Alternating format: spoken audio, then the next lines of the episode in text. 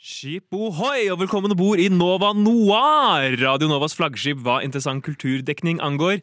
I dag kaster vi oss og begir oss ut på en liten seilas i kjent farvann. Vi skal nemlig utforske den folkekjære skuespilleren Jack Nicholson i denne ukens utsendelse. Men dette skipet seiler ikke seg selv. Med meg i orlogsfartøyet har jeg førstestyrmann Ludvig Wiltil. Hallo. Matros Oda Krüger. Hallo! Og deres kaptein for i dag er meg, Alexander Helstenius, og jeg sier som Jack Nicholson selv We are the Show Patrol! Den referansen kommer til å gi litt mer mening etter hvert, men uh, vi har jo altså da et fullspekket eventyr foran oss, hvor vi skal snakke om filmene The Last Detail, Chinatown, Gjøkeredet, As Good As It Gets og Anger Management. Men jeg ser noe i kikkerten min! Og det er en aldri så liten sang! Det er nemlig sangen 'Paradise' av Bård Berg og Andrea Louise. Fra ende til annen intenst. Nova Noir. Ok, ok, men før vi går inn i eh, Jack Nicholson, så tar vi altså en liten prat eh, her mellom oss tre om hva vi har sett siden sist. Så jeg tenker vi begynner med deg, Oda. Hva har du sett siden sist? Oh, thank you so much. Um, det første jeg kom på, er at jeg faktisk bare så teater. Live teater med vaskeekte mennesker. Så jeg så um, den som heter De må føde oss eller pule oss for å elske oss. Har dere hørt om den? Ja, den, ja. Den, Ja. Nasjonalteatret, ikke sant? Ja. Ja. Um, eh, og den syns jeg var veldig interessant, veldig intenst. Mange, mange inntrykk og mye eh, eh, lyd. Så jeg kan anbefale alle å se den. Men jeg tror kanskje at Ludvig har mer på hjertet enn det jeg har i dag. Jeg, jeg, har, jeg har veldig mye på hjertet.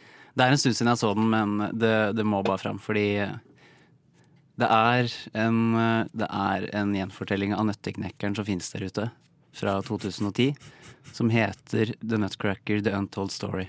Som for så vidt burde være det den er.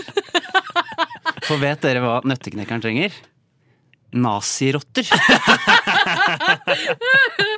Nei, det, det, er bare så, det er bare kaos fra ende til annen. Vi, vi er satt, den er satt i 30 30-tallet av en eller annen grunn. Uh, og Albert Einstein er med av en eller annen grunn, som er onkelen til Elle Fanning, er på en måte hovedpersonen. Det skal være en jente, stakkars barn, som har blitt eh, tvunget til å være med på dette prosjektet her. Uh, men uh, det er skurkene jeg reagerer mest på, for dette er de nazirottene, da, hvor han John Turturro Han kommer vi tilbake til. Eh, apropos John dårlig rolle. Jeg liker han, men så er han med så mye piss, uh, virker det som. Men det bare er sånn Alt er, det er så skitten film. Det er sånn, jeg, måtte, jeg måtte vaske meg etter jeg så den. Alt er så Effektene det er, De spiller på holocaust i en julefilm som liksom skal være retta mot barn. Det er liksom så Du sitter der og bare Alt er Nei, jeg kan ikke sitte og se på dette her! Og så dreper han en hai med en lampe, og in ingenting gir mening. Dreper en hai! Hvor, hvor, hvor kom haien fra? Og lampen, for den saks skyld. Han har Så han rottekongen, da. Han har, han, han har en sang for soldatene sine. John Turtro altså. Uh, synger ikke veldig bra. Danser ikke veldig bra, men han Fordi- insisterer på å gjøre det. Kan jeg spørre veldig søtt spørsmål? Er, den er ikke animert? Det, er det Nei. live action? Det er live action. Uh, men uh, ansiktene deres er eh, eh, litt sånn rotteanimert. Det er en sånn grusom scene som sitter igjen i Cats? Nei, hvor når rottene når de blir sure, så plutselig eh, gror de ut sånne kjempetenner foran. Og øynene blir gule, og nesa går liksom litt sånn ut. Det er Uncally Valley fra helvete. Og så var den, den kom i 2010, og den het, alternativtittelen er jo Nutcracker in 3D. Dette var den avatar-tiden. Når alt skulle være Men Ludvig, Ludvig, hvorfor har du sett denne filmen? Fordi jeg ender opp med å se ræva filmer med kompiser noen ganger. Sånn der, Dette er så dårlig at det er gøy å se på. Men her er det liksom Her her, Det er bare så dårlig at det, det er bare enda det bare dårligere. ræva. Fordi eh, Og nå You heard it here first. Dette er den verste filmen jeg har sett. Den, Noensinne. Noensinne. Det er topplista av bad. Fordi denne her har ikke en unnskyldning. Det er så lett. Sånne filmer som, eh, som The Room og sånn er veldig enkle bytter. Ja. Men dette her, her har de prøvd. Det er høy budsjett, kjente Mm. skuespillere. Mm. Men så er alt bare så Det er, så, det er bare så skittent. Det er, eh, det er usselt. Og det er eh, Nei, eh, jeg vet ikke. Det er bare Ingen, ingen skal se den her. Å høre det er liksom Altså, egentlig bare å se deg, se Alexander dypt inn i øynene og si 'det er usselt'. det var veldig sånn Det var en sterk opplevelse for meg. Det- det- altså, det- Dere hørte det her først. Ja, men det var, det var en er- sterk opplevelse. Bare på alle, alle feil måter. Mm. Huff, huff, dere hørte det her først. Eh, Verdens verste film, eh, The Nutcracker Knacker? The Nutcracker. Nutcracker The Untold Story. Eh, Jeg kan jo kjapt gå inn i hva jeg har sett siden sist. før vi går videre. Jeg har sett en, den nyeste filmen til Paul Schrader, som heter The Card Counter. En film som er veldig interessant på veldig mange måter. Paul Schrader har det jo med å utforske tematikker innenfor liksom den amerikanske eh, selvforståelse og syke som, som kanskje er liksom underkommunisert. Og her tar han for seg liksom eh, de eh, fæle menneskerettighetsbruddene og torturen som ble utført i, i fengselet Abu Ghraib under, under Afghanistan-krigen, Irak-krigen, jeg er ikke helt sikker på hvor det var. Hvor vi da møter en hovedkarakter som har vært torturist der, og som, eh, som eh, har gått over, eller eh, har sonet i fengsel for det, og nå er en card counter. Han spiller, reiser rundt på forskjellige kas- kasinoer og, og spiller kort. Um, filmen har noen ganske klare liksom, mangler. Eh, jeg så at eh, felles eh, medlem i redaksjonen, Embla, var inne på Letterbox og ga den to stjerner. Jeg må innrømme at jeg ga den litt mer enn det. Men, men Det er Paul Schrader standboyen i deg. det er, ja, det er nok kanskje noe med det. Men det er også fordi denne filmen har ganske sterke kvalitetstrekk. Altså, den er veldig, veldig godt filmet. Nå er det liksom noen tilfeller av at kanskje til, til, til og med lyden er litt dårlig av og til. Og castingen er veldig rar. Og noe av skuespillet er veldig rart, men, men manuset er der. Og selv om det på en måte er liksom flåsete dialog noen ganger, så er det liksom det er en såpass interessant historie, og den fortelles på en såpass interessant måte at jeg ble litt grepet av den. eh, Og jeg syns at det er eh, en film som er verdt å, gi et eh, forsøk. Selv om det er virkelig ikke alle som kommer til å like den. Men jeg tror vi skal gå videre og over til vårt tema for i dag. Så vi spiller en liten sang først, nemlig Gotta Go Back av Fagernes Yacht Club.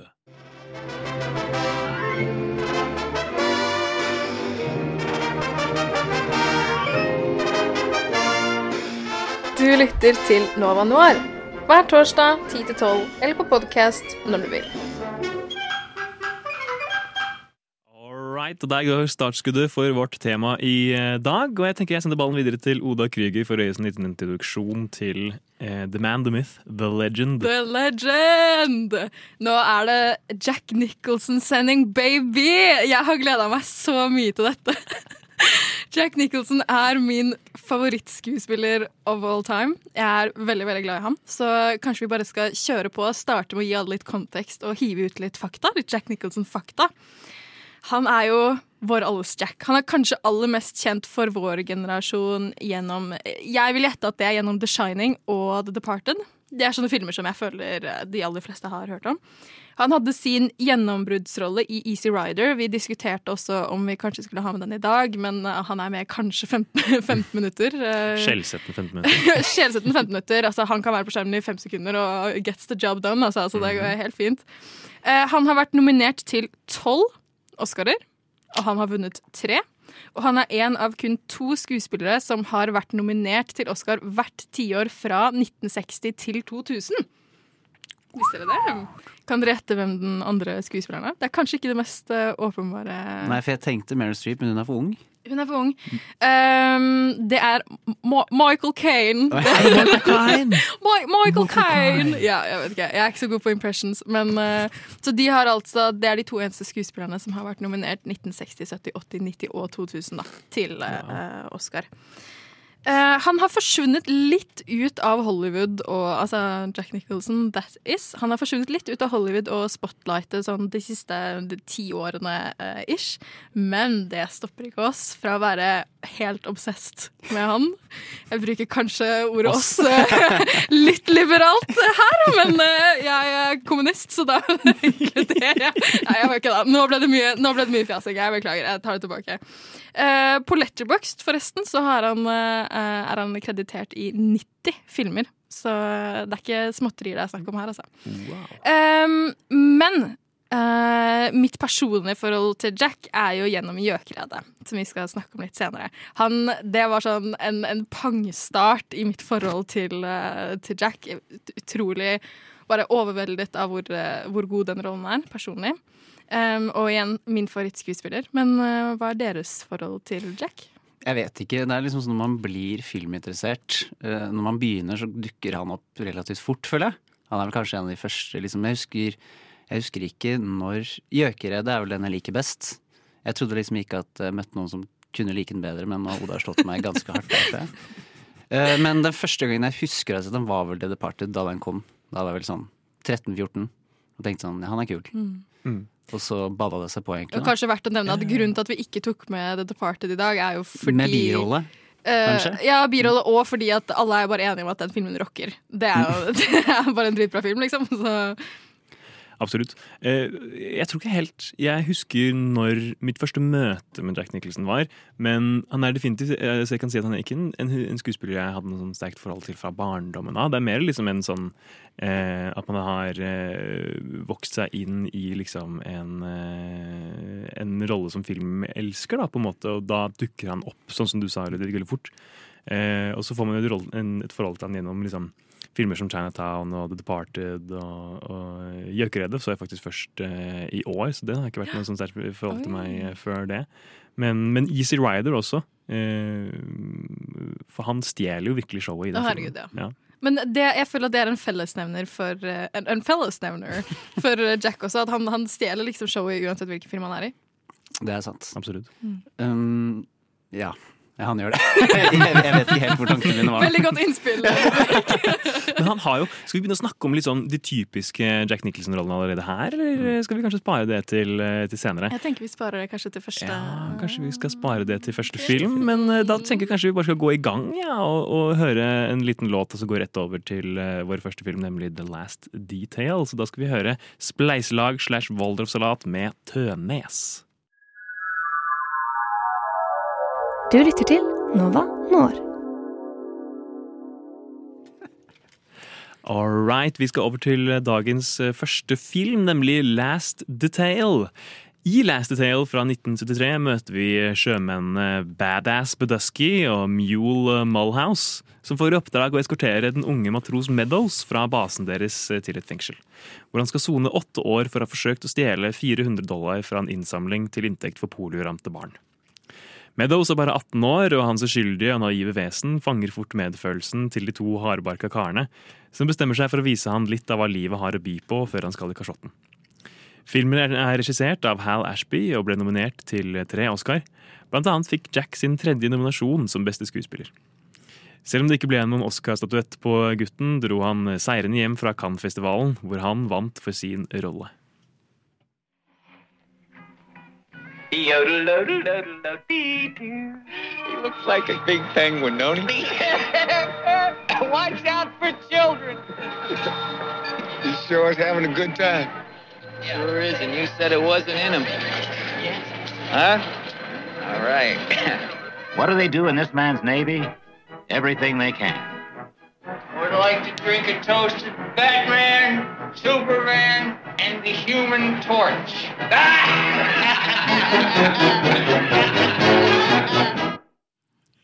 Guttastemning. Gutta, guttastemning. Dette er så guttastemning, denne filmen her. Denne filmen her faktisk fanger en litt sånn, men en, en, en litt sånn sår eh, Mm. Eh, fordi det er jo da, altså Badass Bedusky spilles jo da av eh, Jack Nicholson, og eh, jeg fikk noen litt sånn eh, håndtegn fra eh, gestikulering fra. Oda her borte. Hun er helt med, hun er klar for å snakke Matrosen om. Jack. Matroslund er på. Eh, og hva skal man si? Altså, vi møter uh, han- altså, Han heter jo, Hans kallenavn er Badass Bedusky i denne filmen. Uh, og han blir jo introdusert av uh, deres overordnede som, som eh, Two mean motherfuckers, er ikke det han sier? Noe Jo, sånt? jo, jo. Eh, rett etter at han sier at uh, 'you're my favorite turd, I wouldn't shit you'.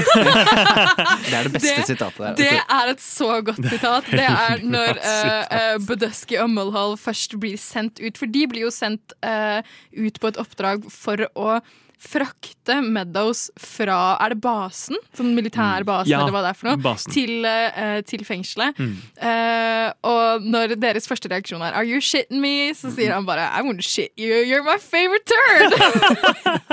Det var et så godt sitat. Ja, denne karakteren spilles jo da av den kjære sheriffen som er kjent fra visse James Bond-filmer. Sant, Eh, sant. Ja, ja, ja. Han, som- den tobakk-tyggende og veldig amerikanske sheriffen. Eh, Litt samme type her òg. Litt samme type her også, Eh. men litt mindre karikert. Ja. Altså, denne filmen, altså The Last Detail Jeg visste ikke om det var detail eller detail. Jeg har sagt detail, men så har jeg følt meg litt sånn gammel eh, amerikaner når jeg sier det. eh, Men jeg det syns det høres litt kulere ut. Ja. Det her var den eneste av filmene vi har valgt i dag som jeg ikke hadde sett før. Ja, Og denne filmen lurte meg. Mhm. Den lurte meg trill rundt. Og jeg ble veldig lei meg, fordi dette er en sånn type film som ved første blikk så er det en sånn Den har uh, komedietendenser, vi kan jo si det på den måten.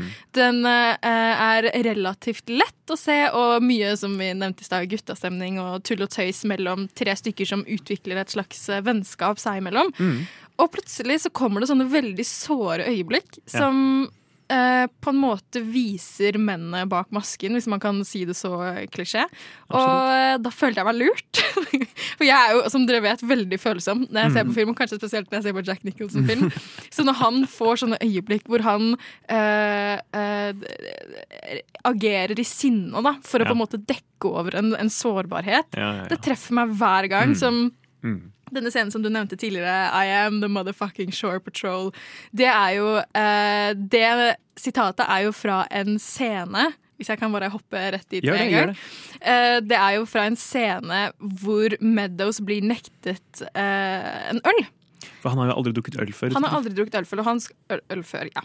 og han skal eh, nå inn i kasjotten, og da har jo uh, Budusky og Mulhall sin eh, intensjon er jo da å gi han et, eh, et lite smakebit av livet før han må inn. Så de vil at han skal få lov til å drikke en øl på en bar. Eh, og da, når han føler denne avvisningen, så blir jo hans første reaksjon da å agere i sinne og skrike I am the motherfucking shore patrol og smelle pistolen på bordet. pistolen og- i bardisken. Og det blir sånn, det, plutselig så blir det overraskende sårt. Det blir overraskende sårt, men så blir det også overraskende gøy igjen etterpå. Mm. Med en gang de kommer ut av denne baren, så er det bare rett inn og le masse og klemme og være sånn ah, 'Så du trynet på han karen?' Lol!» eh, men det, det er faktisk veldig sant. Det er en utrolig, liksom, et utrolig dystert bilde av østkysten av USA som, som eh, males i den filmen. Mm. Det er liksom bare Det er grått, og det er kaldt. De fryser så jævlig mye, disse gutta. De er så kalde. De er så kalde Og jeg jeg blir liksom. kald. Ja, man blir kald av å se på. Det er en scene mot, mot slutten av filmen hvor de skal ha en piknik. Hvor de da skal grille noen eh, pølser, og, eh, og Bodaski har glemt å kjøpe hotdog buns. de da skal dyppe disse pølsene i sennep. Men altså, det, det, det, altså Filmen foregår jo om, om vinteren, da. Det er liksom bare, det er, det er virkelig sånn et dystert, dystert eh, bilde av, av USA som, som skildres. Og denne historien til denne stakkars eh, Meadows, som eh, jo bare er liksom drevet av, av instinkt. Til å, han er jo en, en liksom Han er, han er jo et barn. Han er, nesten. han er et barn. Han har liksom vokst opp uten noen form for grenser, Ja, det får, sånn. får vi inntrykk av. det. Ja, absolutt. absolutt. Og han ja, er blitt tatt for shoplifting, og gjennom i hvert fall mye av starten av filmen så bare stjeler han masse ting og er sånn Ja, jeg hadde det med meg, jeg hadde med meg alle disse sjokoladebarene som de vil knaske på. Stjeler gulrøtter fra en gammel dame. Kleptoman, Ja, han er rett og slett en liksom, slags kleptoman. Men, men jeg tror filmen også er kritikk av eh, eh, den amerikanske militæret, som er veldig kjent for å Ja. rekruttere mennesker som sliter. Mm. Fordi hvis du kommer fra Nå fikk jeg ingenting gåsehud. hvis du, hvis, du, hvis du kommer fra uh, dårlig kår i USA, så er det veldig vanskelig å komme seg inn på skole. Ja. For alt koster penger, men du kan Ja. få gratis utdannelse og sånn i Mm. militæret. Så det er jo kjent for, spesielt før i tiden, å rekruttere kanskje mennesker som ikke burde vært i militæret. Ja. Sånn som Meadows definitivt ikke er egna til. Absolutt. Og det som du sa der, syns jeg er så utrolig viktig, for det var en ting som jeg heller ikke så Uh, Du så det ikke komme. Jeg Nei, så det ikke komme i det hele tatt. At den her var såpass antimilitær som det den er. Mm. Fordi vi følger jo tre, tre menn som er en del av militæret, og i stedet for at de eh, direkte kommenterer på at dette er disse tingene som ikke er bra med militæret, så bare ser vi det. eh, vi ser hvordan militæret faktisk fungerer fra innsiden gjennom øynene til to personer som tilsynelatende bare er i Milla fordi de er i Milla, liksom, og ikke har noe eh, større problem med det. Um, og spesielt da for reisen går jo veldig uh, sånn, Vi starter med at vi får møte uh, uh, Meadows, og så ender det opp med at Meadows havner i fengsel fordi de har fraktet ham dit. Og da når du ser den på slutten, og, og du, du da ser at Budusky og Mulhall har denne tvilen overfor hvorvidt det de gjorde egentlig var riktig, eller om de bare føyer seg til et system. skikkelig, skikkelig sort of light. Mm, absolutt. Og det kommer jo fram at både de, våre to hovedkarakterer på en måte i, i Badass, Petusky og, og Mulhold, de er jo begge to eh, altså, avhengige av militæret, på en måte.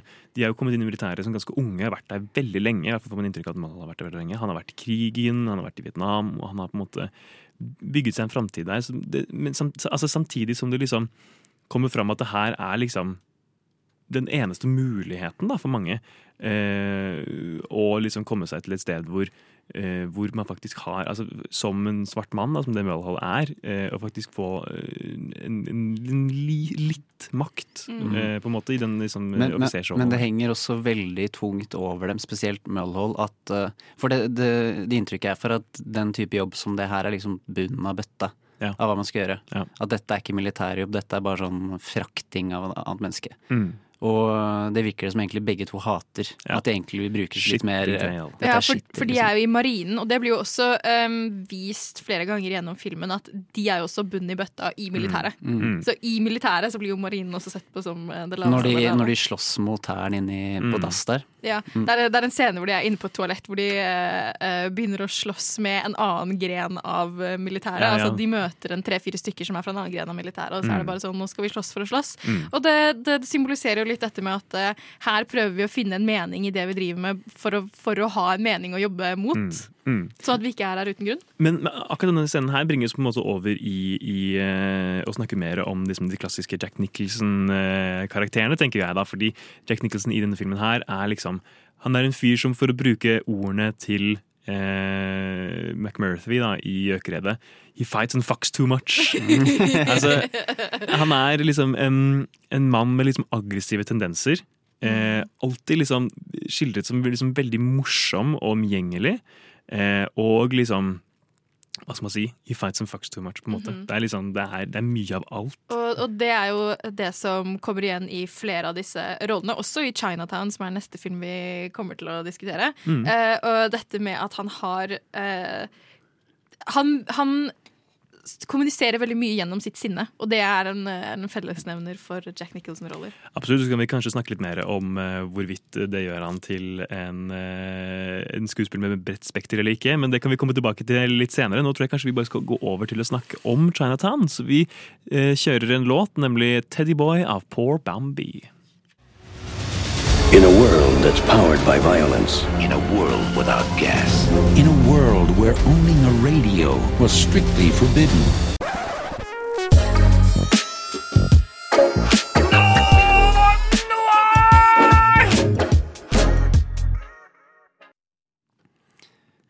Og da skal vi over til eh, dagens eh, andre film, nemlig Chinatown, så jeg sender ballen videre til deg, Ludvig.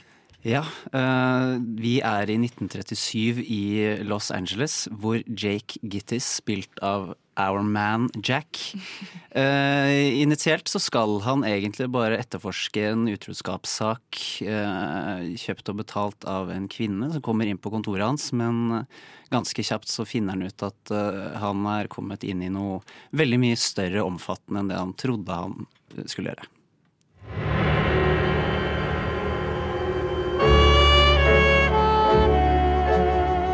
Los Angeles, 1937. There are lots of guys like J.J. Gittes. They're easy to find, if you want to find them. Mr. Gittes, have we ever met? You get tough. You get tender. You get close to each other. Maybe you even get close to the truth. Jack Nicholson and Faye Dunaway in a Robert Evans production of a Roman Polanski film, Chinatown. Litt sånn psycho-stemning på slutten der.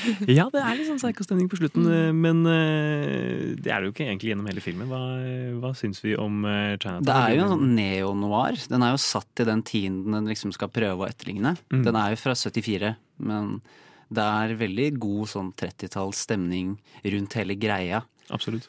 Og jeg syns det er veldig imponerende å lage en spennende film om vann. Og Ja, vann, om politikk. Vannpolitikk. Det er liksom, det ja, men det er, å selge denne innsalget på den filmen er så vanskelig. Det er Sånn, nei, nei, hør her. Det er Jack, Jack, Jack Nicholson som skal eh, prøve å fakke noen sånne eh, byråkrater som driver med vann. Ja. To timer. To, to, jo to timer. timer. Ja, det er jo verdt å nevne at hele denne greia handler jo om en vannskandale. Altså Mm. Her er det noen Mm. som har tulla med vann i LA, Ja, ja. Og, og dette her folkens, er skandaløse Jake greier. Gittis, han er på saken, Han er på saken, Han er så jævlig på saken. frukt ikke. Altså, men dette er en av disse filmene som jeg syns gjør det bedre på rewatch. Altså, når jeg så den nå, så likte jeg den enda mer. For den, den utfolder seg på en sånn måte som er så Den bare er så Igjen, for, mange, for mangel på bedre ord, den er så tight Mm. i, i måten den er bygd opp på. Så det er, Ja. liksom, det er ikke noe bortkastet tid. Den, den utfolder seg som et klassisk mysterium, men med liksom verdens smootheste Jack Nicholson, som er med i hver scene for øvrig. Det er absolutt verdt å nevne. Har på seg bandasje over nesen gjennom mye av filmen. Fantastisk. Og fun fact, dette er den første filmen i historien som ikke har noen regissør. Fordi Vi, vi, vi gikk dit. Vi gikk dit. Den har ikke regissør eller manusforfatter eller produsent. Vi skal ikke snakke om eh, P-ordet, Polanski. Polanski-ordet. Nei, la, oss, la oss ikke bevege oss ut i det. For den som er nysgjerrig på hvorfor vi, vi reagerer på den måten, så er det bare å google. Google Roman eh, Polanski, så han, eh, han ignorerer vi. Never Ja. met him. Men, men Nei, altså den har jo på en måte en veldig liksom, tydelig eh, referanse. Altså, det er jo en neo-noir. Den trekker veldig på noir-sjangeren, og det er liksom denne eh, musikken som peker veldig mot liksom, den, liksom, den er ganske overdreven, liksom, musikkbruken. Og det er, liksom, det, er, det er klassisk noir, liksom. Og så har vi denne hardkokte detektiven som er i midten. Det er liksom Jack Nicholson som trekker trådene som er liksom, et eller annet fra liksom, Sam Spade eh, i, eh, altså, i Humphrey Bogarts eh, gestaltning. Em, og, men, altså, men samtidig, det er en rolle hvor, hvor Jack Nicholson får litt mer å bryne seg på, på en måte. For Han kan liksom ikke bare lene seg på å være denne liksom, litt sånn aggressive karen som også har liksom et hjerte av gull, på en måte. For her er det liksom han, han blir sveket. Altså hans, det er hans liksom livelihood, det er hans liksom rykte som står på spill. Da. Fordi Vi kan jo legge litt kontekst. Spoiler warning, forresten. Vi kommer jo til å spoile eh, de fleste filmene. som Når filmene er over 40 år gamle, så syns jeg folk må Ja, tåle det. absolutt. Men, men du er i hvert fall advart eh, nå. Eh, altså, eh, den eh, altså Jake Kittis blir jo eh, hyret inn av en som utgir seg for å være kona til han som er sjef for The Water Department, eh, og eh, for å undersøke om han er utro. Eh, dette viser seg da ikke være eh, kona likevel, men en som utgir seg for å være henne. Og, og eh, Jake Gittis eh, utvikler da et liksom, forhold til denne, denne kona etter at denne vannsjefen blir drept. Eh, og det er en det, det, Altså hva, men hva er den filmen uten Jack Nicholson? Vi snakket jo ikke egentlig om det i The Last Detail, Nei. men uh, kan vi se for oss en film, denne filmen her uten uh, Jack Nicholson? Altså, dette er en av disse filmene som Filmen i seg selv er så sterk, um, altså sånn rent narrativt, og, og oppbyggingen er så sterk, at den kunne ha blitt laget uten Jack Nicholson. Mm. Men jeg synes at han virkelig virkelig skinner i denne rollen. Og apropos Ja. dette du sa med uh, har Jack Nicholson egentlig range, for han bruker så mye sinne og sånne ting. Jeg så en veldig interessant eh, Jeg er sånn YouTube-essay-person. Mm. Um, så en veldig interessant sånn YouTube-essay om uh, Jack Nicholson og hvordan han bruker sinne. Hvor han som lagde videoen, hadde en veldig interessant take, som er dette med at vi ser på range i skuespillere. Altså sånn, hvor mye kan de spille? Du, vi ser på liksom method actors, sånn som Christian Bale, for eksempel, da, som, Mm. som totalt forandrer kroppen sin og spiller helt forskjellige roller. Men Uh, går det ikke an å også se range på hvor mange forskjellige måter en skuespiller kan spille én følelse? I stedet for om de kan spille alle følelsene. Mm. Så det at Jack Nicholson i alle disse fem filmene vi skal snakke om i dag, eh, bruker en eller annen form for aggresjon og sinne, men bruker dem på totalt forskjellige måter, som lager Mm. totalt forskjellige karakterer, er jo også veldig interessant. Og jeg, jeg, mine herrer, vil gjerne slå et slag for at det betyr at han har range. Bare så det er sagt. Nå har jeg, nå har jeg puttet, puttet ut der. Eh, ja, og det kommer vi til å komme mer tilbake til etter hvert som vi snakker om de flere forskjellige filmene hvor vi liksom får brynt oss litt på litt forskjellige karakterer. Han har jo definitivt en type som han ofte spiller. Eh, Dette her er jo litt et, et avvik fra den formelen, men definitivt Jeg tror nok også eh, Jake Gittis er en karakter som kan beskrives i de berømte ordene til McMurphy som vi snakket om i stad. eh, He fights and fucks too much. Mhm. Men samtidig så syns jeg at han er veldig kontrollert i denne filmen kontra eh, egentlig alle de ja, andre ja, for filmene. det skulle jeg si, eh, fordi her sympatiserer jeg med mye av sinnet hans, eller det Mm. som sitter inne. Fordi her blir han jo jugd til av absolutt alle rundt seg. Ja. Men det burde han kanskje forvente når han liksom er privat privatdetektiv, men fortsatt, han klarer å liksom sitte inne og bare ikke klikke, liksom. Fordi i- når jeg ser den filmen her i- når jeg så den første gang, så tenkte jeg jeg kunne aldri blitt som privatdetektiv. Det, det, det, det, hadde, det hadde kok- kokt over eh, Ja, ja, ja, for lenge. Så alle rundt deg bare Da var den karrieren i dass. Da skal jeg gi opp denne drømmen. Alle barnedrømmene gikk helt i dass. Men som du sa, Oda, at denne her er bedre på rewatch. Er, det er riktig, ass. For dette er en fin vin. Fordi første gang man ser den, så blir man liksom oppslukt i plottet. Det tror jeg gjelder veldig mange sånne krimfilmer. Fordi du må følge med. Men nå kan du liksom nyte de andre tingene òg, for det er så veldig mange bra andre ting. Kostymer, filming, alt sånn.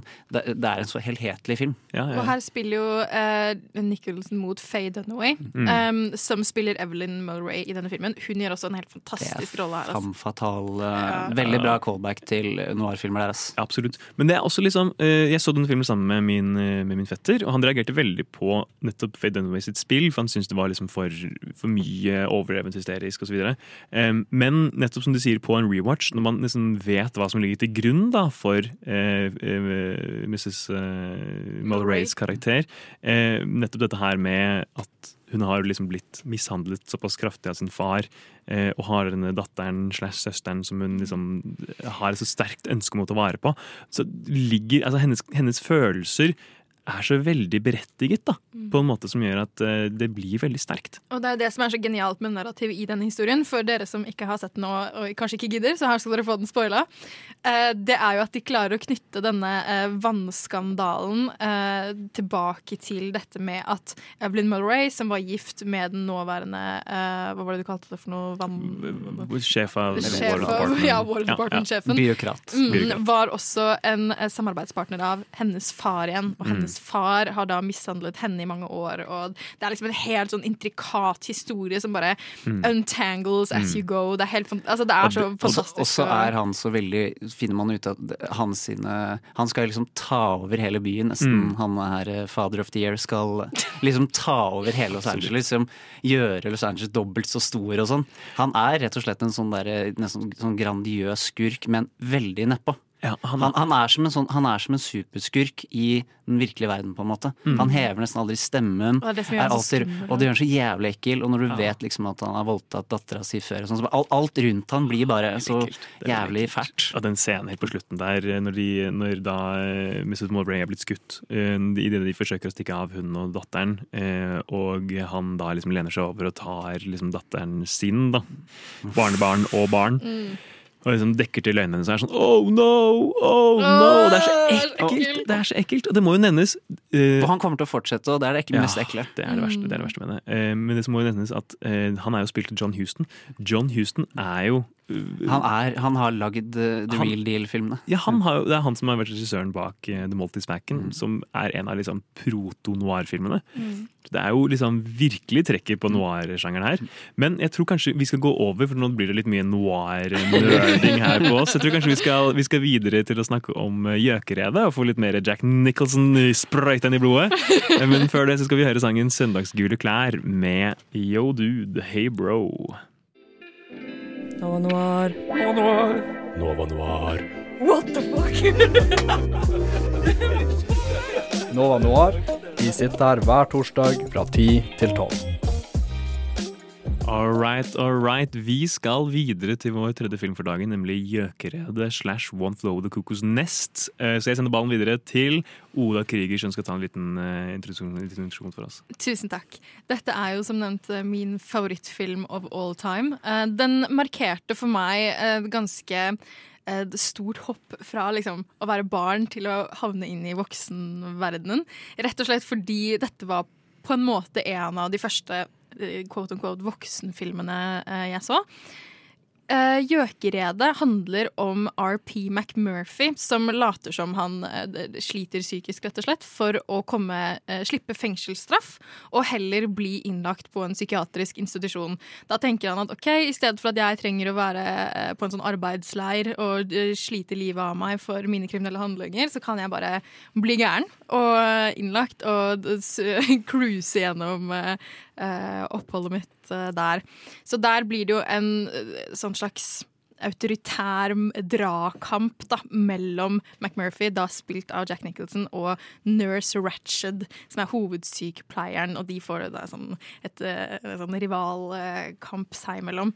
Um, Gjøkredet er basert på en bok utgitt i 1962. Den er skrevet av Ken Casey. Den er for øvrig basert på hans egne opplevelser som ansatt på et psykiatrisk sykehus. Den ble så uh, adoptert til et stykke som gjorde det kjempebra på Broadway, hvor det var Kirk Douglas som spilte uh, McMurphy. Um, og så ble rettighetene til stykket kjøpt opp av Kirk Douglas, gitt, vi, solgt videre til Michael Douglas, som da er produsenten av filmen, som da eh, klarte å få den lagd. Og så lagde Gjøkeredet filmen historie, da den er en av tre filmer som noensinne har vunnet The Big Five på eh, Oscar-utdelingen.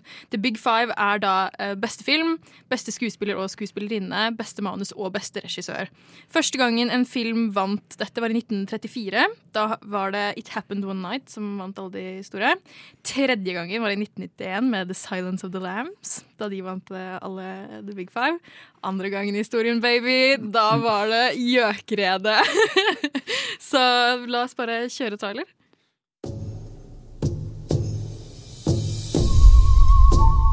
What can you tell me about why you've been sent over here?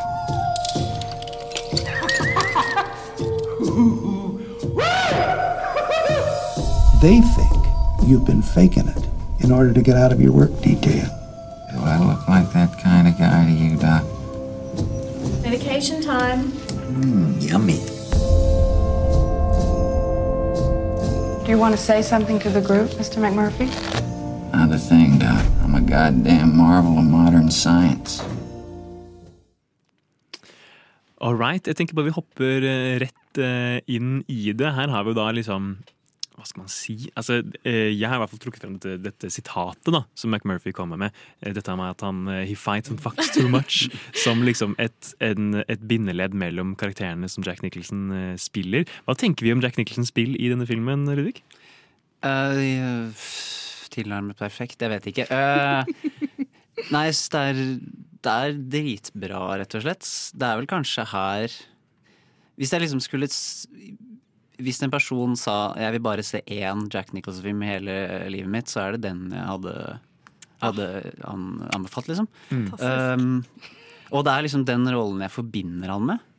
Og med Og det kostymet med skinnjakken og luen og sånn har jo blitt ikonisk, nesten. Mm. Jeg tror det er sånn karakter man har sett, selv om man ikke har sett filmen. Så har du sett McMurphy som McMurphy. karakter. Han og han i Shining, kanskje. En av de står Ja. som de mest kjente fysisk, bare. Rent fysisk. Mm. Men nei, spillet er Jeg, jeg sliter litt med å, å finne noen spesifikke ord på det. Ja, det er bare nest, Det er sånn film, i hvert fall. Sånn perfeksjon, nesten. Mm. Jeg, eh, jeg har liksom ikke noe, noe kritiske ord, nesten. Nei, nei. Jeg prøver, prøver å finne det, men Hva med deg, Oda? Jeg synes at Jack Nicholson er helt genial i denne filmen. Det er sjelden jeg ser en film som er så leken og så vond på en og samme gang. Det som på en måte er hovedtematikken her, er at McMurphy kommer inn. Han antar at eh, siden jeg nå skal på en psykiatrisk institusjon, så er alle andre gærne. Jeg kan bare være gæren, og så er vi gærne sammen hele gjengen. Og så utvikler det seg jo til at han ser uh, de andre pasientene for det de egentlig er. Og det er jo også det de trengte. Eh, eller det er jo også det disse pasientene på dette tidspunktet egentlig trengte. Var at noen bare skulle se dem for det de var, og eh, ha denne lekenheten og dette livet som McMurphy bringer inn eh, i institusjonen. Da. Og han får jo til og med da frem litt liv i en av disse andre hovedkarakterene, som er um, uh, Chief Bromden, som er en mann Nå kommer det spoilers her, folkens. Som vi fra starten av antar at er både stum og døv. Uh, og han viser det seg jo at eh, rett og slett har latet som at han er stum og døv. Eh, men McMurphy får han til å føle seg stor nok og mektig nok, og, og gir han tro på seg selv nok til at han begynner å snakke. da. Um, jeg tror jeg kan innrømme med en gang at jeg er ikke like stor fan av denne filmen som det dere er. Nå har vi jo to superfans Superfan. av denne filmen, så jeg kan komme inn med mitt liksom, litt sånn kritiske blikk. Jeg syns den er litt for lang, og den er litt for treig, rett og slett. Um, eh, men, men det er på en måte til tross for Og jeg syns på en måte det, det du tar opp om, liksom, om at Murphy-karakteren liksom ser dem for den de er, det føler jeg er litt en overforenkling, egentlig. Fordi det som skjer, er at han kommer på en måte inn, han er en utrolig liksom mistilpass fyr. Han har liksom sin, sin sterke, sterke lyster eh, og klarer liksom ikke å sitte stille. Han ville kanskje liksom i dag blitt eh, diagnosert med, med ADHD, Ja, ADHD, på en måte. Mm, og han kommer på en måte inn og har liksom sine liksom sterke ideer om hva som er liksom det gode liv, da, som er liksom livet som disse, disse stakkars menneskene på denne institusjonen trenger. Um, som liksom egentlig viser seg kanskje ikke egentlig være det de trenger, men liksom Altså, fordi han, han tilfører jo liksom veldig mye liksom liv, røre, eh, spenning til dette veldig liksom, monotone og kjedelige, grå livet som de lever på denne institusjonen. Eh, og det er jo på en måte interessant å se liksom hvilke konsekvenser det får, da. Eh, fordi han tvinger seg liksom fram og prøver å liksom få noe ut av mange av disse karakterene. Og i, i flere tilfeller så fungerer det, men det viser seg jo at liksom Altså, jeg føler ikke nødvendigvis, jeg vet ikke helt hva deres forhold til Nurse Ratched er. Jeg føler ikke egentlig at hun er en veldig sterk skurkerkarakter, Å jo, det synes jeg jeg. Jeg syns hun er jævlig. Ja, nei, jeg er ikke helt enig. Fordi, nettopp fordi hun liksom Hun prøver å gjøre sitt beste med det hun har, på en måte. Dette sykehuset har liksom ikke kapasitet eh, til, å, til å eh, føre liksom en så sterk eh, nærværende rolle med alle, med alle de innlagte.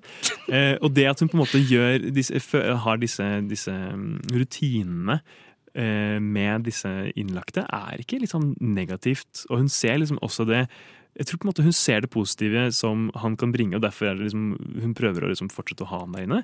Men det ender jo opp med å ha fatale konsekvenser. på en måte. Det er ikke hennes skyld. Jeg er så uenig som du kan få det. Jeg syns at hun er helt forferdelig. Men det, er jo også, uh, noe, det kan også ha noe å gjøre med at jeg eh, er veldig veldig stor fan av boka. Så der, Og boka er også litt sånn spoiler, den er sett fra Chief Bromden sitt perspektiv, ikke fra McMurphy Ja. sitt eh, perspektiv. Um, men greia med eh, Nurse Ratched er at hun er jo på en måte en slags manifestering av hele uh, helsesystemet, helsevernet, kan man si, gjennom 50-tallet i uh, USA. Som er det at man bruker en sånn slags falsk pedagogikk for å rettferdiggjøre mishandlingen du egentlig driver med. Fordi uh, det er ikke alltid at sånn, en sånn slags uh, falsk omsorg er riktig respons, da. Og det er jo ikke det som hjelper folk som er eh, psykisk syke heller. Og det er jo også en del av, av eh, hele denne filmen, er at mange av de som er der, er jo ikke psykisk syke engang. Sånn som Harding er jo innlagt der fordi han er homo. Det kommer jo ikke fram i filmen.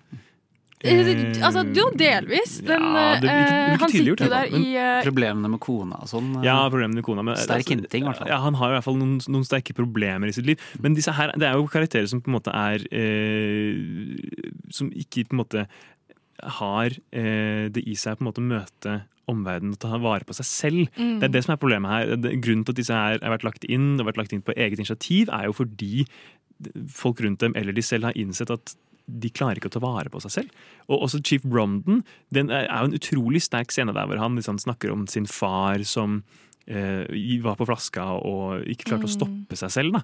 Og det, jeg føler at liksom, Der ligger mye av grunnen til at han har valgt, eller er innlagt der, er liksom fordi han vet med seg selv at det, det krever så mye av han da, å leve der ute.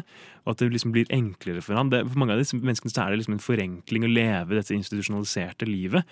Eh, med disse rutinene. Da. Jeg føler det er det Nurse Ratched ser, og det er også det McMurphy reagerer så utrolig sterkt på da, når han kommer inn i dette, dette Ja, for jeg vet ikke om det er karakteren eller om det er skuespillet hennes, til hun Louise Fletcher, som er Mm. fantastisk det òg, for så vidt. Mm. Eh, Men jeg får veldig mye sånn manipulasjon og sosiopati av stemmen hennes.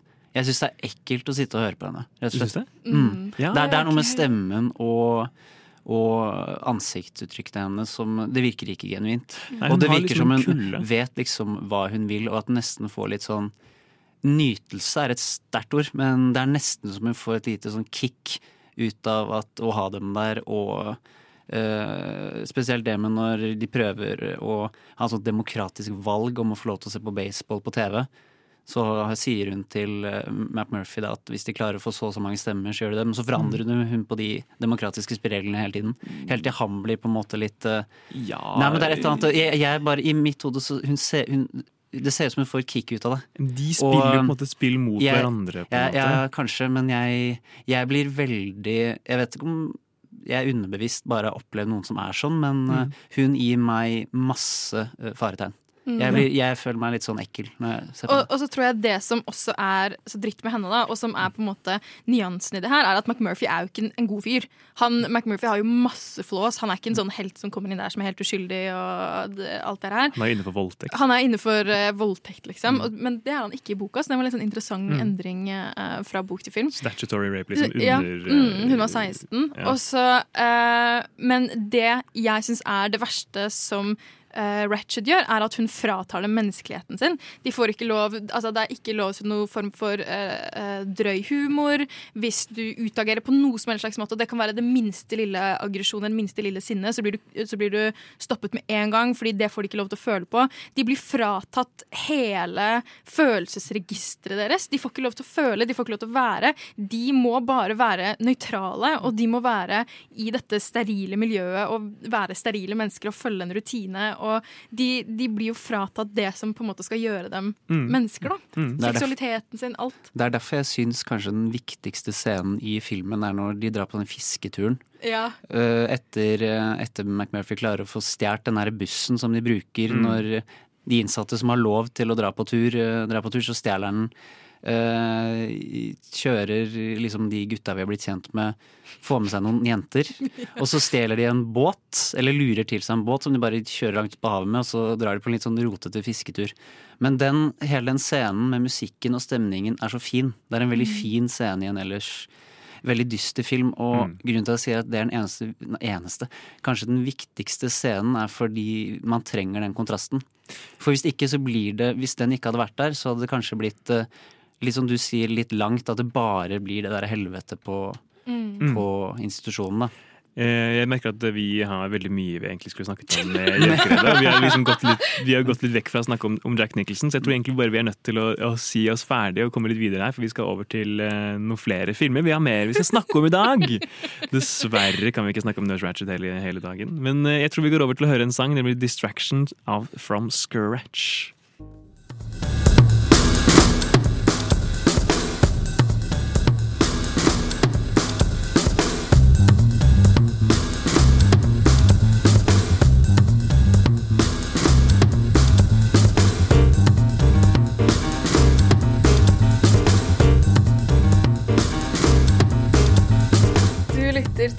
Nova Noir hver torsdag 10-12 eller på podkast når du vil. All right, vi er over på vår nest siste film for dagen. En uh, liten film som heter As Good As It Gets. Uh, Ludvig, du har en liten intensjon, eller?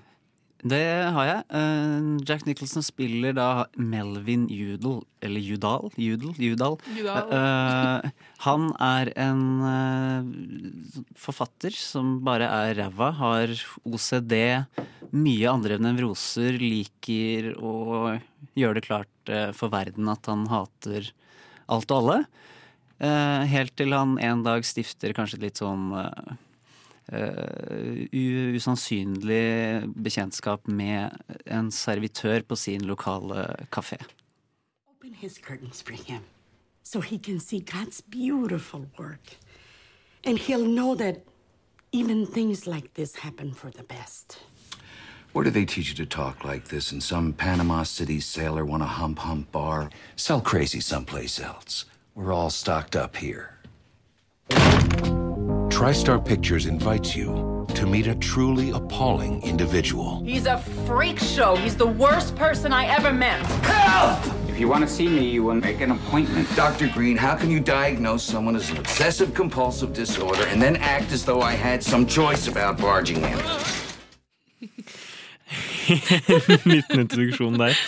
Eh, nei, as good as it gets. Hvor skal vi begynne hen? Skal vi begynne med liksom Jack Nicholsons eh, karakter? Eller? For her har vi mye liksom, av de samme tendensene. jeg syns eh, det aller første vi ser egentlig setter ganske stemning. er At Ja. han kaster ned sin nabos hund ned i den søppelsjakta, søppelsjakta Mm. til bygget sitt. Kan, kan jeg bare si noe angående det? Det er en veldig eh, kjent manusbok som heter Save the Cat. Som eh, handler om hvordan du, du bygger opp et klassisk filmmanus på best mulig måte. Den er veldig sånn herre Dette er en, eh, en, en perfekt formel, den er veldig sånn formulaisk. Og der eh, snakker forfatteren om at det beste du kan gjøre, er at første scenen i en film, som du ser, det er at hovedrollen skal eh, metaforisk save a cat. Eh, for å vise publikum at han er en bra fyr, og putte han i en, en situasjon som Som viser han som en heroisk figur. da Og så syns jeg det er så gøy at denne filmen gjør nøyaktig det motsatte! Han, han redder ikke noen katt, han hiver en hund i søpla! I søpla. Absolutt. Og det er jo liksom eh, ikke, ja, hva skal man si, et slags frampek. Det er jo hunden nesten mer enn en noe annet som bringer denne endringen i eh, denne vår hovedkarakters eh, liv. Da, hvor han går fra å være liksom en meget selvopptatt eh, og eh, jævlig fyr til å bli litt mer sympatisk. Jeg vet ikke helt. Ja, det er litt hele tiden. Ja, det er aldri litt, mye. Litt, det er, nei, det, det, det, for min del i hvert fall, hvis vi kan hoppe helt fram til det, så gjør ikke filmen seg verdig den slutten den får. Enig. Men vi kan snakke mer om det etter hvert. fordi altså, her har vi jo på en måte, hvis vi skal gå over til Jack Nicholson igjen, da, vi har mange av disse liksom, trademark Nicholson eh, trekkene. da. Vi har en karakter som er liksom han, han er aggressiv, han er liksom kjapp i replikken. En ting vi ikke har uh, vært innom ennå, er jo uh, hans tendenser til å ha lange rants. Mm. Som er liksom noe av det beste med Jack Nicholson, er jo liksom disse lange liksom monologene hvor han bare liksom skjeller ut folk og verden og alt på liksom mest, altså beste vis. Um, han er jo Han er jo Han beholder jo sin sjarme på tross av det at han er veldig usympatisk i denne filmen. Men jeg syns rett og slett at den, det, det usympatiske vekter for sterkt til at jeg kan unne den karakteren det som skjer mot slutten. da. Og det er liksom, altså, Vi har jo snakket om dette her før vi har kommet inn på sending i dag. At vi kanskje skulle ønske at det egentlig bare endte med et, et eh, platonisk, platonisk forhold mellom Jack Nicholson og denne servitøren. Og det, det er noe som jeg jeg savner i film generelt, er platoniske eh, forhold mellom altså, Hvorfor kan vi ikke ha mer vennskap på film? Som ikke er sånn overfokus på, på at nå skal vi bli bestevenner, eller at eh, man blir kjærester. Kan det ikke bare være sånn Her er det twerky quirky mennesker som møtes og, og drar frem og godtar hverandres quirks. Enig. Og spesielt når hun Carol, hun servitøren, når det har vært en sånn svær monolog hvor hun nærmest roper at hun aldri skal ligge med han sånn. Ja. Eh, Og så, og så gjør de det. og så gjør hun det. bare- da har de bare ødelagt hele Det, altså, det føles utrolig ufortjent.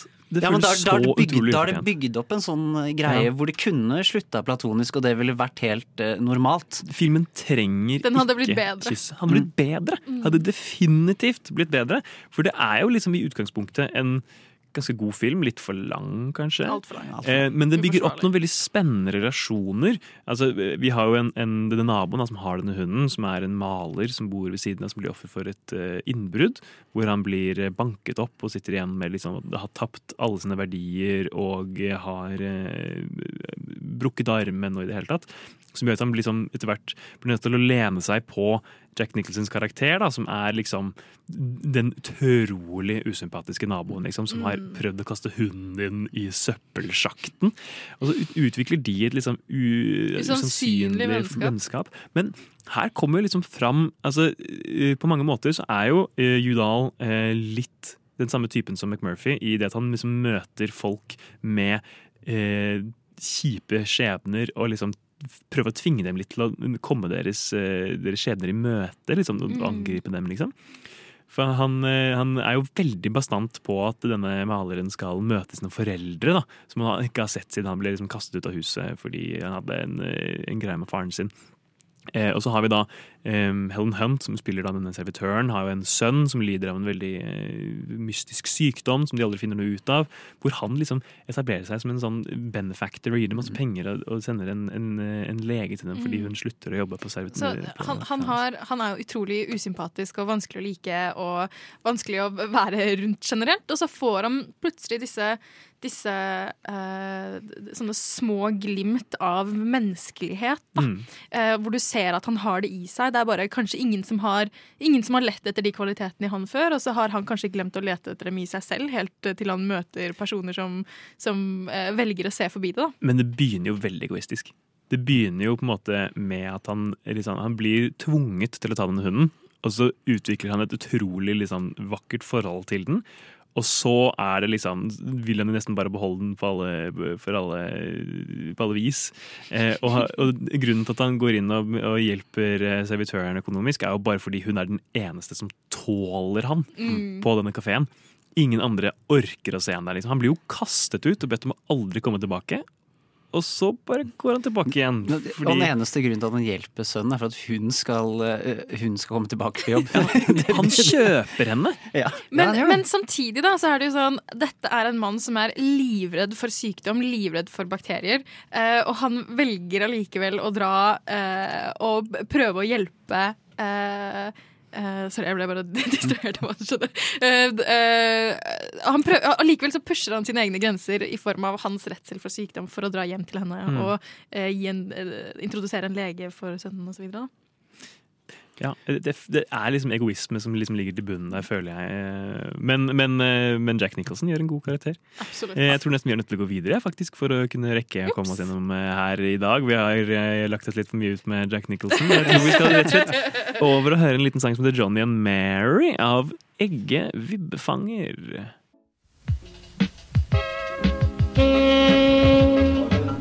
Alle tre, og så kommer Edmund og bare What the fuck? Har du sett Parasite? Ja. Har du sett Parasite? Du vet når hun gjør den der, den der huskeringen sin? Å, shit, shit. Eh, n- Nova Noir.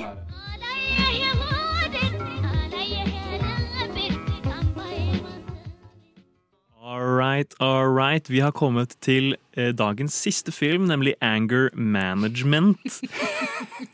I det herrens år 2003 kom en liten film ut som heter Anger Management.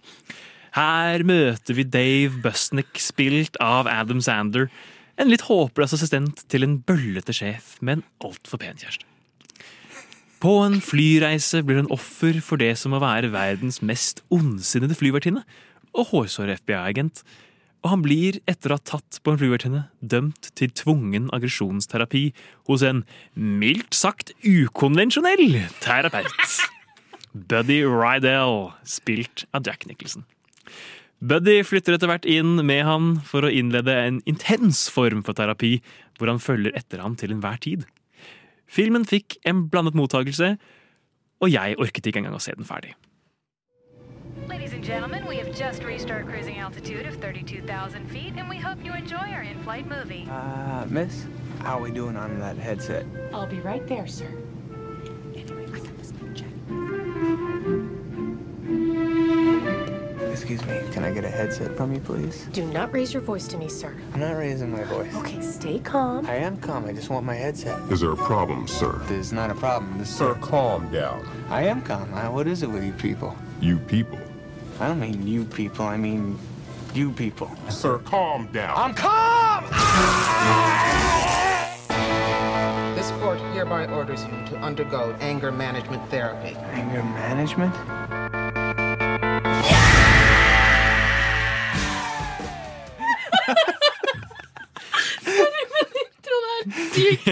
Jeg må bare si at dette er verdens verste film med verdens beste skuespiller. Ja. Og Jack Nicholson i denne filmen er helt unhinged. Ja. Han er av hengslene klin coco bananas. Det er så gøy. Jeg tror han bare har fått lov til det.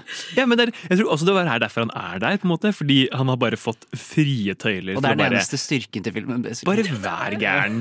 Og fordi altså, den er liksom, Det er jo en klassisk Adam Sandler-film hvor han får med seg alle vennene sine. John Torturo er der og er en helt jævlig fyr. Igjen.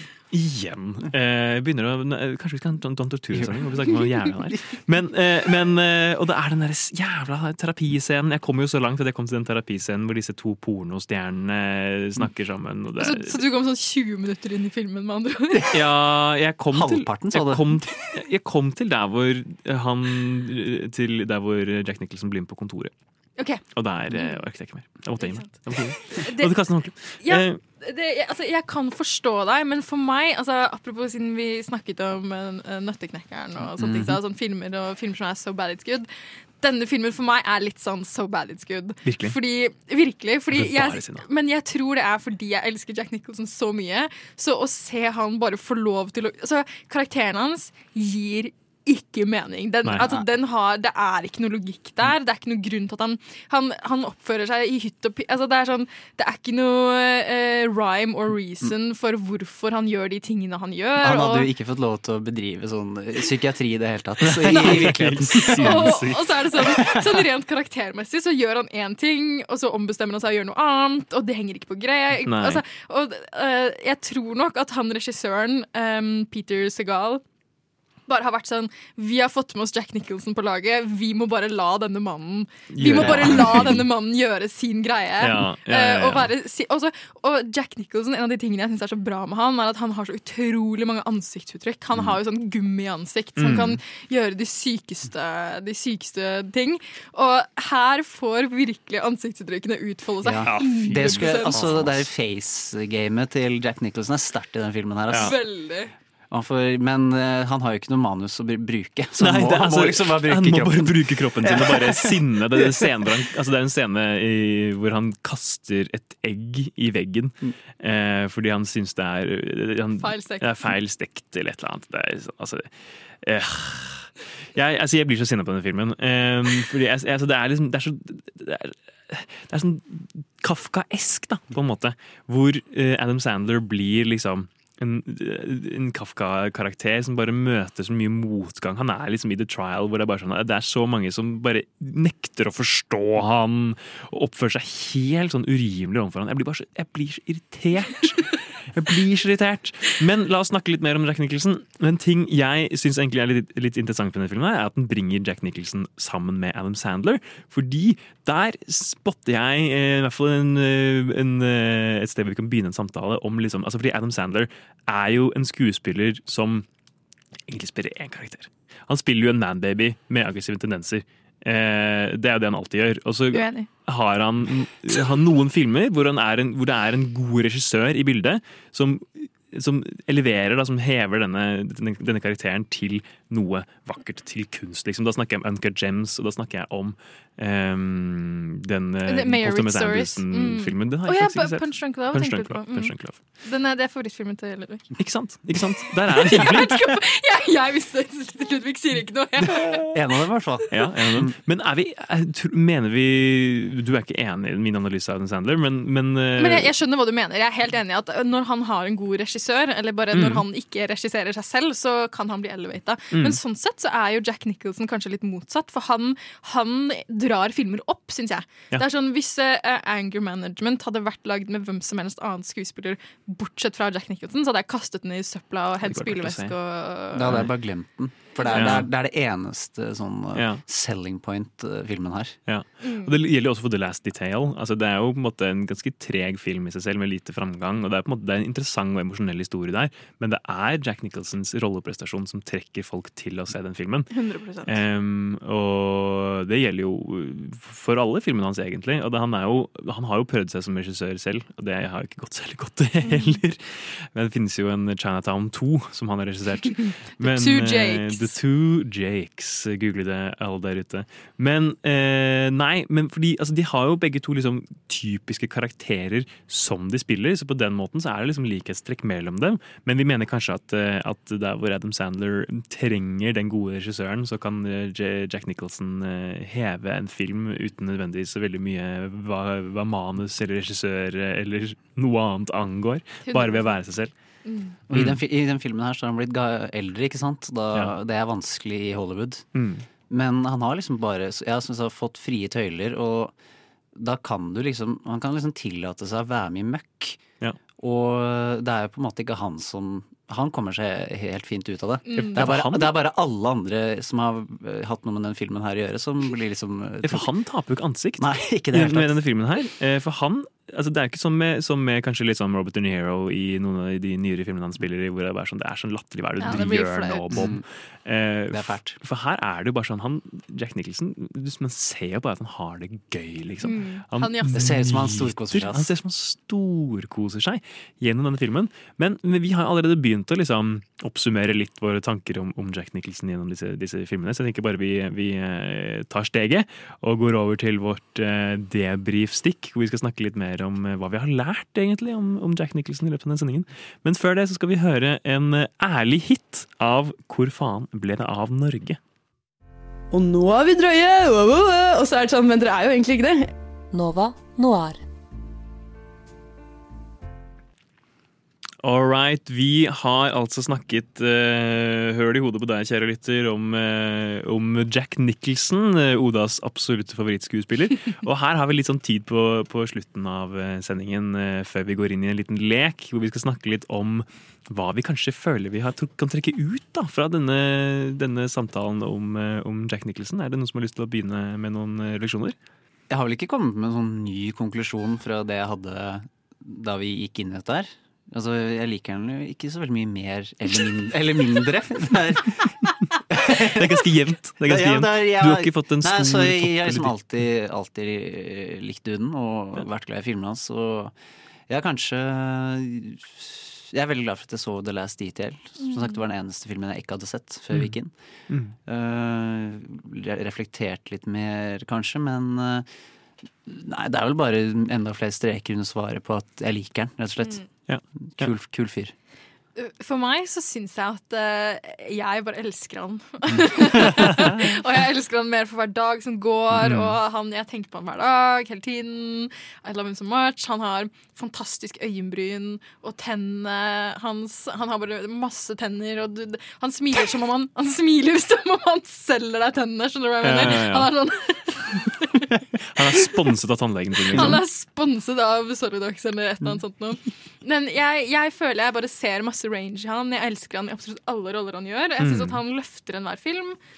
Og eh, jeg kommer aldri til å komme meg over han. Nei, nei.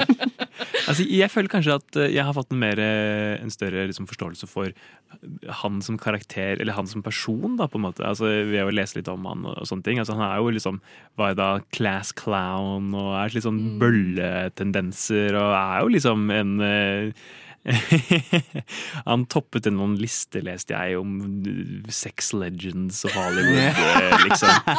Eh, og det er jo det Kan du sende meg denne listen? Jeg kan sende denne listen. Mm, Jeg- jeg kan også bare anbefale alle å lytte der ute om å google denne listen. Jeg husker ikke hva den heter, men et eller annet Sex Legends of Hollywood. Of all time?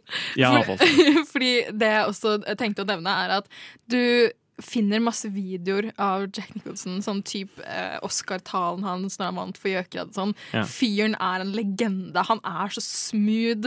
Han Ja. har en måte å snakke på som er Han er veldig sånn eh, Han fanger oppmerksomheten. Han, Mm. han drar oppmerksomheten til, han, til seg i hvilket rom han er i. Jeg syns han er en superkul eh, Ja. type.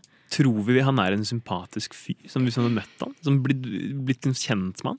Tror vi det er lett å være litt sånn kona til Jack Nicholson? Nei, det tror jeg ikke. Nei? Men han er, ikke, han er ikke gift nå heller, tror jeg. Nei, han, er vel Han kanskje, var, han eh, har vært gift én gang. Og så var han sammen med Angelica Houston. I 17 år. Uh, i 17 Jeg, jeg tror nok han er ganske spydig å ta plass. Ja. Det tror jeg. Ja, det er det. Ja, for det har kanskje vært litt, eh, litt, litt mer liksom, eh, åpent, eller åpenbart for meg, eh, etter som han har liksom gått litt i dybden, at han er kanskje litt sånn en vanskelig fyr på mange Mm. måter. Altså, han kler skjermet veldig godt, og han er veldig, veldig god til å ta oppmerksomhet og, og, og sånne ting.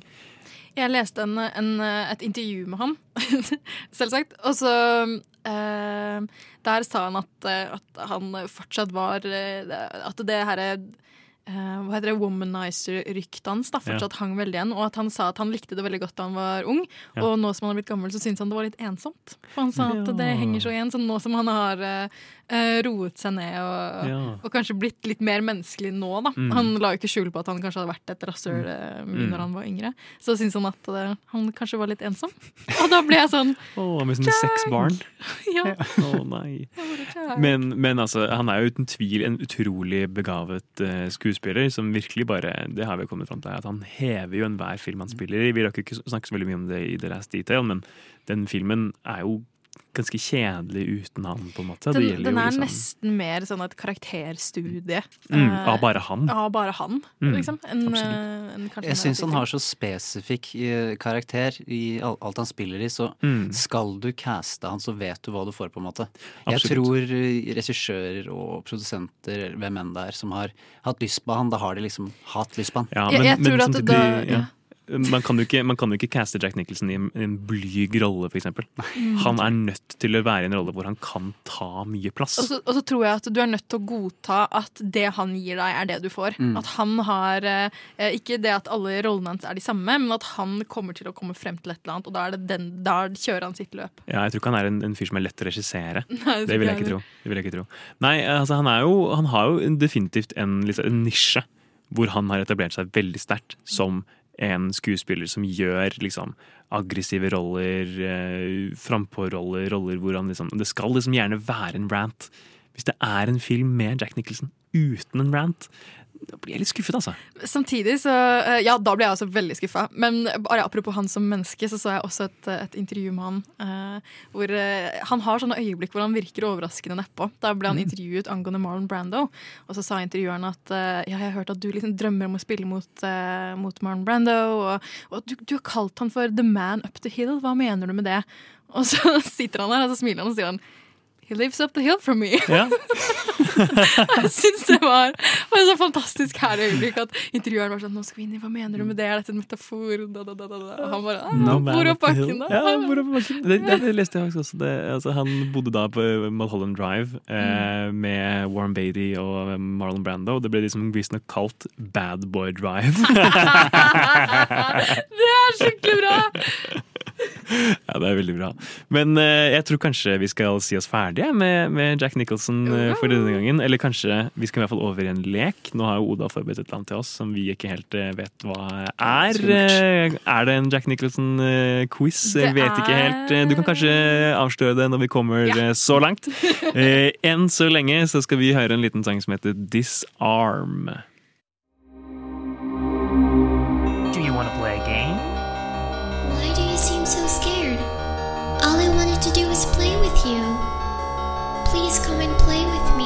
Let's play a game!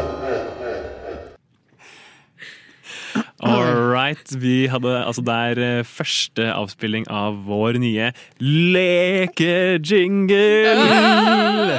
Eh, nå er det litt sånn creepy stemning her eh, i studio, Oda, men du vil kanskje ta over og bringe det over i noe mer lettbeint? Ja, det er ganske lettbeint. Vi skal rett og slett bare kjøre ti kjappe. Så da skal vi ta ti kjappe spørsmål som glir litt sånn over i hverandre. Det er ikke bare Nicholson-fokusert. Så her eh, har jeg tatt litt inspirasjon fra eh, Ludvig sitt innslag på eh, forrige innslagssending. eh, hvor den ene fun facten bare glir over i den andre. Så her er det sånn at ett spørsmål glir over til det neste, det neste. Rekker vi å svare da? Før spørsmålet glir Ja, over ja, ja, ja, det skal du rekke, vet du. Jeg er ikke så, så travel har jeg det ikke. Er det konkurranse? Eh, to, det det- er premie. Du har premie? Jeg har Ja, ja. premie, men eh, alle får premie. Alle, å, deltakelsespremie! Her kommer kommunisten premie. Nei, jeg bare tuller. Men eh, alle får Pedagogen premie. Oda. Pedagogen er her. Nurse Ratched-pedagogen. jeg kjører Nurse Ratched-pedagogikk. OK, nok tull! Stopp en halm, Nå skal vi begynne å leke. er dere klare for spørsmål nummer én? Da må, si, da må dere si ja. Vi nikker veldig entusiastisk. Spørsmål nummer én. Spørsmål nummer ett. Ja. Eh, Jack Nicholson var sammen med denne kjente skuespillerinnen i 17 år og har kalt henne for kjærligheten i hans Angelica. Houston. Veldig bra. Spørsmål nummer to. Angelica Houston er kanskje mest kjent for sin ikoniske rolle som mor i en familie med Morticia Family. Adams. Adam Family. Spørsmålet er hvilken film snakker vi om her? Nå kan dere svare. Og vi blir så, vi blir så gira, vet du. Ja, det er Adams Morticia. Family. Ja, og Morticia. Fun fact, Cher var en kandidat for å spille rollen som Morticia Adams. Kan dere nevne en annen film Cher har spilt i? Moonstruck. Eh, ja. Eh, The Witches of Eastwick, er den ikke med der? Jo, og der er også Jack Nicholson med. Fun fact. Uh. og spørsmål nummer fire er i Moonstruck. Spiller Cher mot noir-favoritt, og kanskje spesielt Alexander-favoritt Nicholas Cage. Ja. Fort! Kvekt! Hvem er hans veldig kjente onkel? Eh, Francis Ford Coppola. Veldig bra. Jeg liker at dere svarer i, I eh, i det. Dette er faktisk uh, veldig Det er liksom vakkert. Litt sånn kunst. Uh, Mm. ja. Eh, Coppolas mesterverk 'Apocalypse Now' er basert på hvilken bok? Heart of Darkness. Veldig bra. Mm. Kan du uh, forfatteren nå? Nei, husker jeg ikke. Nei, Joseph Conrad heter han. Ja, nemlig. Omstridt i dag. Omstridt i dag. Eh, spørsmål nummer seks. Den boka har jeg liggende hjemme på hylla hos meg. Den er ulest og støvete fordi jeg har hørt at den ikke er verdt tiden, men jeg kommer sikkert til å lese den en dag uansett. Apropos min leilighet. Hvem i dette rommet ble kjempefull sist vi hadde fest hos meg? Var det meg, da? Ble ikke begge ganske fulle? Det er faktisk riktig svar. Jeg, jeg, tror jeg, jeg, tror jeg ble fullest, men eh, jeg sa at dette er et lurespørsmål, for det var dere begge. Utleverende. vi er. Ja, og så jeg kan, ja, det er meg òg, da. Så det, um, spørsmål nummer sju. Vi kan alle sette pris på en god fest, med andre ord. Men hva om alkoholbruken går for langt? Hvem regisserte i 2020 en Oscar-vinnende film rundt denne tematikken? Tom. Og bonusspørsmål! Hvem spiller hovedrollen? Thomas Winterberg og Mats Mikkelsen. Veldig bra. Så dette var da spørsmål sju og åtte. Så her kommer nummer ni. Vi elsker alle Mats. En annen ting vi har til felles, er at vi har alle gitt The Lighthouse fire og en halv av fem mulige stjerner på Letterboxd. Ja. Hvem spiller hovedrollene? Willem Dafoe Og- og, og Pattinson, eh, Robert Robert Pattinson. Går de, her går de i ett, altså. og så har vi siste spørsmål, og nå kommer vi kanskje eh, litt rundt og tilbake igjen til tematikken her. Det er hva er Robert Pattinson sin favorittfilm? Er det The Shining? Det er Gjøkeredet. Ah. Var ikke den fantastisk? Wow. Det, og Sirkelkomposisjon. Sirkelkomposisjonen. Og så har jeg da eh, eh, premie til dere. Som Oi. er pakket inn. shit. og det er det? ikke lov å gjette hva som er i den før man åpner den. Eh, men uh, Skal den åpnes Ja, live? ja, ja. Det her er jo kjempebra radio. Åpenbart. Her har vi altså da en pakke pakket inn i litt sånn klassisk uh, gråpapir, som egentlig er brunt. Jeg har alltid hatt problemer med gråpapir som egentlig er brunt. Eh, Her, vent, vent, dere får det samme, som vi venter. Alexander tar seg okay. sin gode tid. eh, oh, ja, er vi klare nå? Ja, Jeg jeg er åpner, jeg.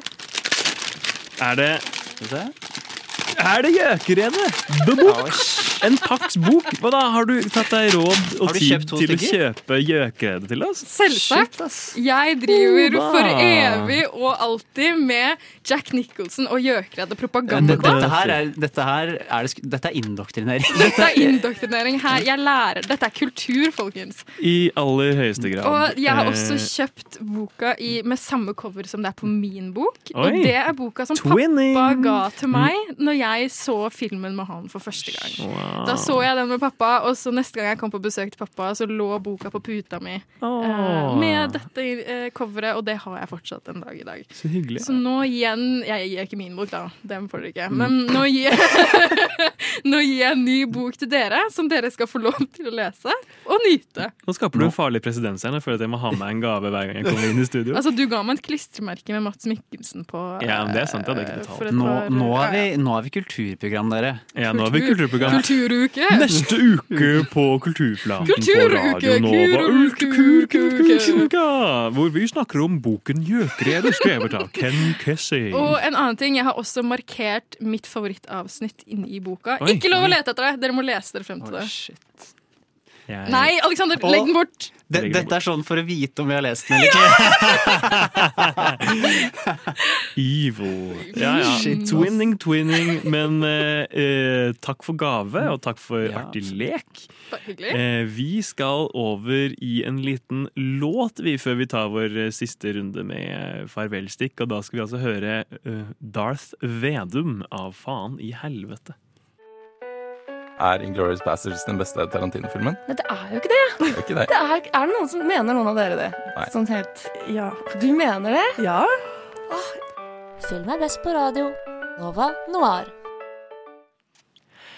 Yes, vi har kommet til, eh, kommet til eh, vårt siste stikk for uh, dagens sending. Nå er det den siste stikken. Det siste stikket. Uh, hvor vi uh, ja skal unne oss selv å ta litt god tid da, med å si eh, farvel. Eh, vi er jo så glad i å være på radioen alle sammen. Nyter å høre vår Vi er egen narsissister alle Vi er sammen, så- narsissistere. Heldigvis har vi ikke aggressive tendenser. Snakk for deg selv. I enhver debatt. I enhver debatt. Vi har jo hatt en fantastisk sending i dag. Vi har til og med fått gave. Du, og jeg. Eh, Du skal få en liten gave etterpå, du også, Oda. En i form av en eh, klem fra meg, i hvert fall. Eh, Jeg elsker klemmer. Det, korona har vært vanskelig for meg når jeg ikke har kunnet klemme. Enig. Det, det er jo det noe man var handler om å klemme hverandre og være En sonisk klem, som du ville sagt. En Sonisk klem, som jeg en gang formulerte det som. Nei, men vi har i dag gått i dypet hva, hva Jack Nicholson angår. Om du vil ha mer av eh, slikt dypgående filmcontent, så er det bare å følge med neste uke, hvor vi også skal ha sending. Og vi finnes også på Instagram og Facebook, hvor du får se litt av hvert og hva som skjer eh, bak eh, spakene, holdt jeg på å si. Og vi har akkurat i dag faktisk en, en anmeldelse på radionova.no, hvor Emil har vært inne og anbefalt eh, Shiva Baby. Så den vil jeg anbefale alle der ute å gå inn og lese. Men eh, vi eh, sier vel oss egentlig ferdig her. Eh, Har vi noe mer vi skulle sagt før vi Sikkert, men vi har ikke tid, da.